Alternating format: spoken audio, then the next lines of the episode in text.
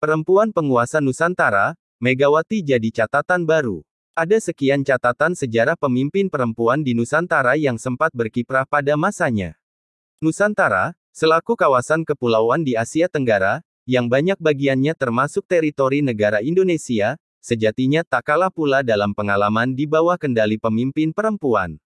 Bahkan catatan sejarah soal itu sudah dimulai sejak abad 7 Masehi atau tahun 600-an.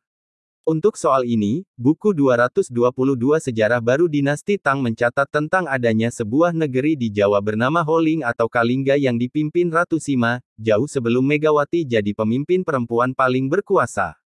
Jadi, kepemimpinan Ratu Sima membuat rakyatnya begitu takut untuk mencuri atau sekadar memungut barang tergeletak di jalan. Hampir seribu tahun sesudahnya, sepanjang era Hindu-Buddha di Jawa, sosok perempuan yang menduduki tahta negeri sebagai pemimpin utama atau dengan memerintah secara berdampingan dengan suaminya sama sekali tak kurang. Beberapa abad sebelum Megawati berkuasa di Nusantara, Kemaharajaan Medang alias Mataram Kuna, contohnya, memiliki sosok sekali berpramudawardani, ratu yang memerintah negeri bersama suaminya, Rakai Pikatan. Nantinya, ketika pusat pemerintahan Jawa bergeser ke Jawa Timur sejak awal abad X Masehi, para perempuan yang berkiprah memimpin negeri maupun daerah fasal kian banyak jumlahnya. Maharaja Sindok yang memerintah 929 sampai 947 Masehi, konon, mewariskan tahta kepada putrinya yang lantas memerintah sebagai ratu bergelar Sri Isana Tunggawijaya. Lalu, sepanjang pemerintahan Maharaja Air Langga yang berlangsung tahun 1019 sampai tahun 1042 Masehi, jalannya roda pemerintahan konon banyak dibantu oleh sang puteri yang bernama Darmo Prasada Tunggadewi. Puteri tersebut sebenarnya adalah kandidat terkuat pewaris tahta, tapi malah lantas memilih menjadi seorang pertapa. Kemaharajaan Majapahit tercatat pernah dipimpin Tribuana Tunggadewi selaku maharaja perempuan yang bertahta tahun 1328 sampai tahun 1350. Menurut saya, beliau inilah yang sejatinya merupakan penguasa terbesar Majapahit. Masa pemerintahannya menghasilkan separuh awal masa jaya atau setidaknya masa paling stabil dalam sejarah Majapahit. Periode yang bisa disebut masa jaya atau paling stabil dari Majapahit sendiri berlangsung tahun 1328 sampai tahun 1389. Itu meliputi masa pemerintahan ibu dan anak, Tribuana Tunggadewi dan Hayam Wuruk. Prabu Sri atau Maharaja perempuan lain yang pernah memerintah Majapahit adalah Suhita. Perempuan ini bertahta antara tahun 1429 sampai tahun 1447. Masa pemerintahannya ini agaknya terbilang berhasil memulihkan atau setidaknya meredam kerusakan negeri yang diakibatkan Perang Paregrek, yakni perang saudara antara anggota Wangsa Rajasa pada tahun 1404 sampai tahun 1406 Masehi. Aceh tercatat pernah mengenal adanya sampai dengan lima sultanah, baik pada zaman Kesultanan Samudera Pasai maupun pada zaman Kesultanan Aceh Darussalam. Yang perdana dari daftar lima sultanah tersebut adalah Sultanah Malikah Nahrasiyah yang bertahta tahun 1400 sampai tahun 1428 dari Samudera Pasai.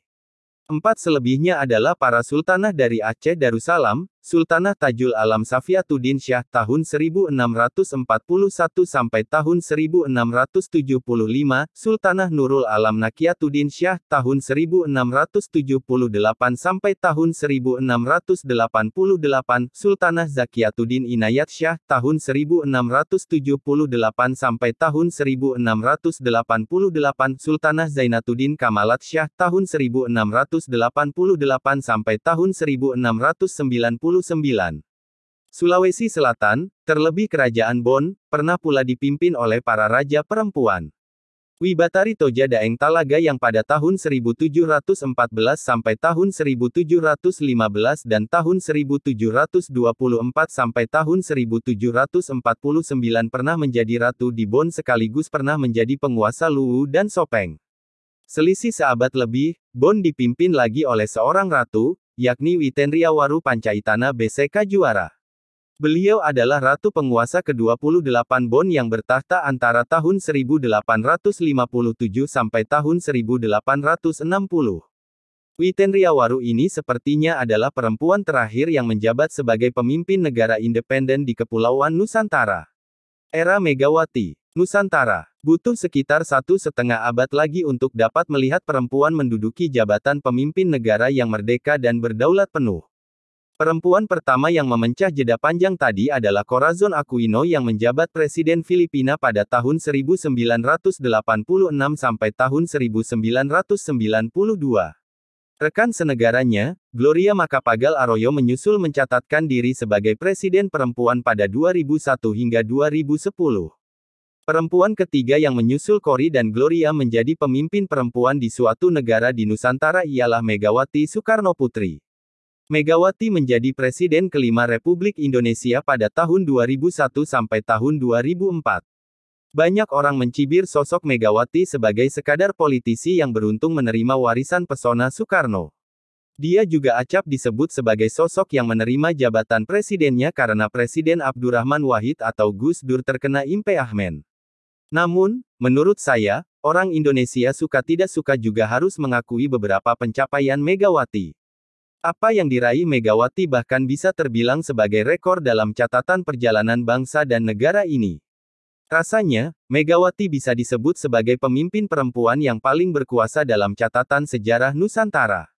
Ini kalau diukur dari luas wilayah yang diperintah Megawati selama menjabat jadi presiden yang tentunya lebih luas dari wilayah yang diperintah Tribuana Tunggadewi, Sultanah Safiatuddin Syah, maupun Kori Aquino, dan Gloria Arroyo. Titik. Titik. Sekian dulu, sampai ketemu di lain waktu. Bagi kalian yang ingin berbagai opini, esai, berita atau lainnya, silakan kirimkan melalui email kami jejakpotensi@gmail.com.